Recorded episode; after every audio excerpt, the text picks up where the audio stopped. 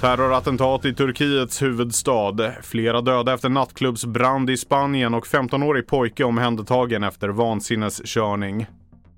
Det här är nyheterna. Vi börjar med explosionen som skakat regeringskvarteren i Turkiets huvudstad Ankara.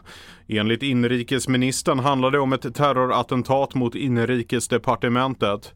En självmordsbombare ska ha sprängt sig och en annan misstänkt ska ha skjutits till döds av polis. Två poliser ska även ha skadats lindrigt enligt turkiska medier. Larmet sammanfaller med att det turkiska parlamentet öppnar igen efter sommaruppehållet. Mer om händelseutvecklingen finns på tv4.se. Minst sex personer har dött efter att en kraftig brand brutit ut på en välkänd nattklubb i spanska Murcia. Räddningstjänsten har arbetat hela natten med släckningsarbetet och de säger att dödssiffran väntas att stiga. Staden har aktiverat ett krisstöd för att ta hand om anhöriga och människor som drabbats av branden. Mer om det här kan du läsa på tv4.se. En pojke under 15 år har omhändertagits efter att ha tagit familjens bil i Surahammars kommun under fredagskvällen och kört iväg. Polisen inledde en jakt efter pojken men fick avbryta insatsen på grund av trafikläget och den höga hastigheten. En stund senare lyckades polisen få stopp på pojken med hjälp av en spikmatta. Pojken flydde in i skogen men kunde fångas in vid ett vattendrag. Kalla fakta har i veckan avslöjat att 19 av 20 kommuner använt böcker från det kinesiska kommunistpartiet i sin modersmålsundervisning.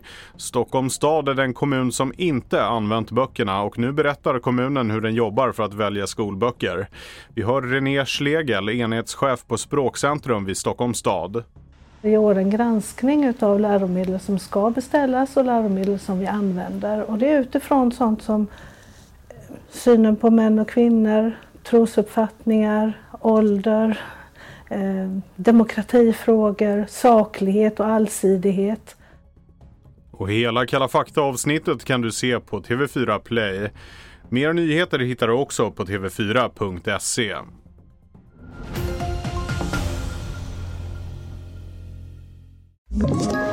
Ett poddtips från Podplay.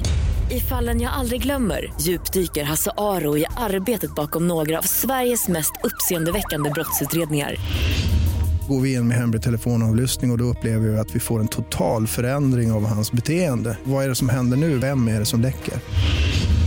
Och så säger han att jag är kriminell, jag har varit kriminell i hela mitt liv men att mörda ett barn, där går min gräns.